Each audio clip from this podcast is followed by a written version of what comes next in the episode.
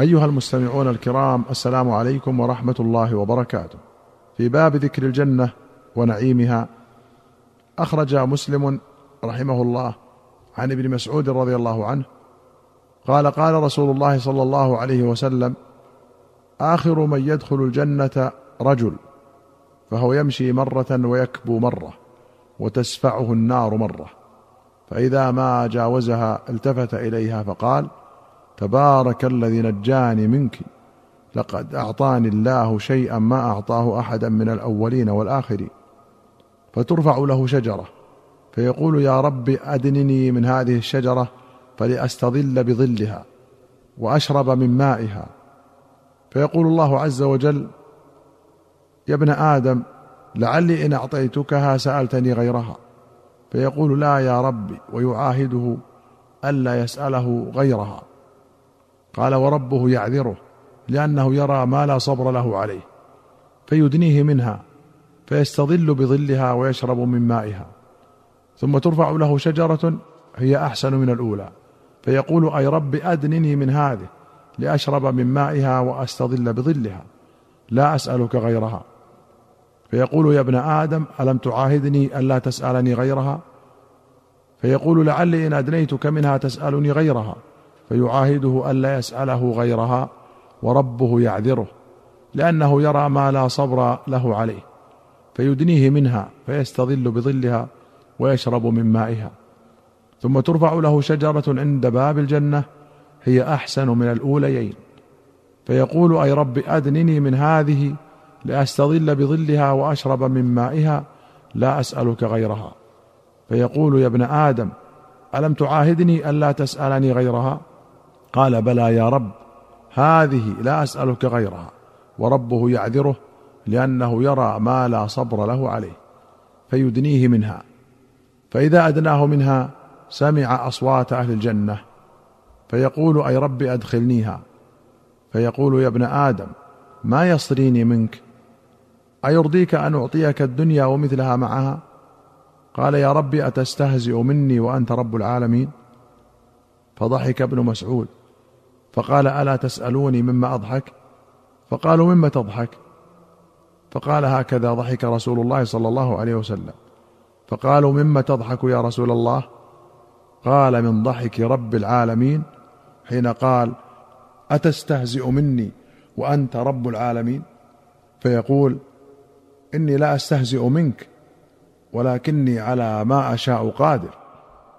وفي رواية له عن أبي سعيد الخدري أن رسول الله صلى الله عليه وسلم قال إن أدنى أهل الجنة منزلة رجل صرف الله وجهه عن النار قبل الجنة ومثل له شجرة ذات ظل فقال أي رب قدمني إلى هذه الشجرة لأكون في ظلها. وساق الحديث بنحو حديث ابن مسعود. ولم يذكر فيقول يا ابن آدم ما يصريني منك؟ إلى آخر الحديث. وزاد فيه ويذكره الله سل كذا وكذا. فإذا انقطعت به الأماني قال الله هو لك وعشرة أمثاله.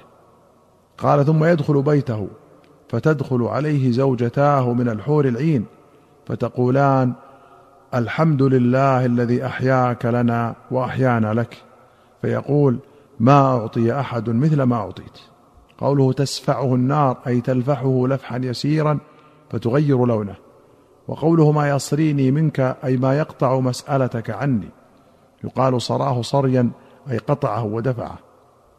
وأخرج مسلم عن المغيرة بن شعبة رضي الله عنه يرفعه إلى النبي صلى الله عليه وسلم قال سأل موسى عليه السلام ربه ما أدنى أهل الجنة منزلة؟ قال هو رجل يجيء بعدما أدخل أهل الجنة الجنة. فيقال له ادخل الجنة.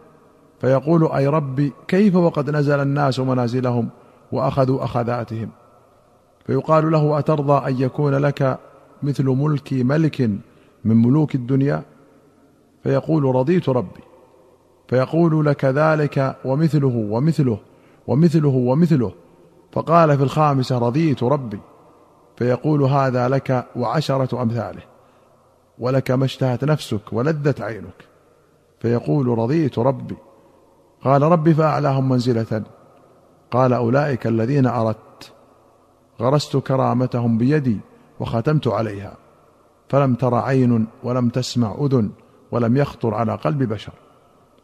قال ومصداقه في كتاب الله عز وجل فلا تعلم نفس ما أخفي لهم من قرة أعين. الآية. وأخرج مسلم عن أنس رضي الله عنه قال قال رسول الله صلى الله عليه وسلم يؤتى بأنعم أهل الدنيا من أهل النار يوم القيامة.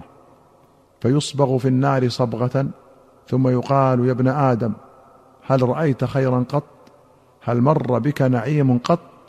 فيقول لا والله يا رب. ويؤتى بأشد الناس بؤسا في الدنيا من أهل الجنة فيصبغ صبغة في الجنة. فيقال له يا ابن آدم هل رأيت بؤسا قط؟ هل مر بك شدة قط؟ فيقول لا والله يا رب ما مر بي بؤس قط ولا رأيت شدة قط قوله يصبغ في النار أي يغمس والصبغ الغمس وصبغ الثوب ونحوه أي غمسه وكل ما غمس فقد صبغ وأخرج البخاري عن أبي هريرة رضي الله عنه قال قال النبي صلى الله عليه وسلم لا يدخل أحد الجنة إلا أري مقعده من النار لو أساء ليزداد شكرا ولا يدخل النار أحد إلا أري مقعده من الجنة لو أحسن ليكون عليه حسرة. وأخرج البخاري ومسلم رحمهما الله عن ابن عمر رضي الله عنهما أن النبي صلى الله عليه وسلم قال إذا صار أهل الجنة إلى الجنة وأهل النار إلى النار جيء بالموت حتى يجعل بين الجنة والنار. فيذبح ثم ينادي مناد يا أهل الجنة لا موت. يا أهل النار لا موت. فيزداد أهل الجنة فرحا إلى فرحهم وأهل النار حزنا إلى حزنهم. وفي رواية يدخل الله أهل الجنة الجنة وأهل النار النار.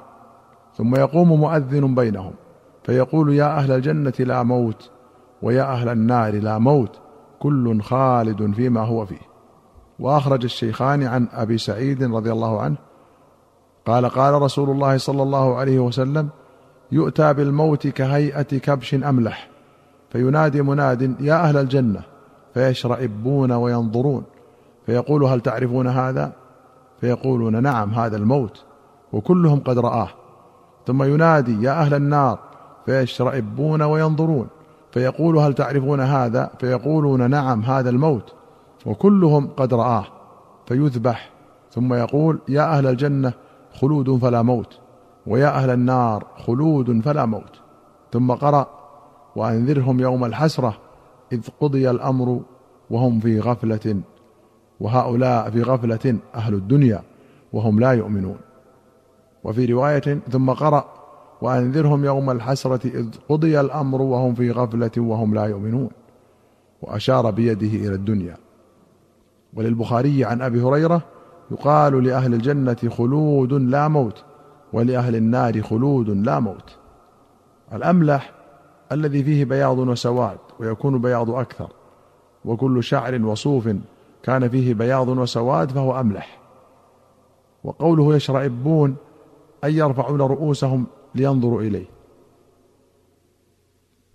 وأخرج مسلم عن أبي هريرة رضي الله عنه أن رسول الله صلى الله عليه وسلم قال إن أدنى مقعد أحدكم من الجنة أن يقول له تمنى فيتمنى ويتمنى فيقول له هل تمنيت؟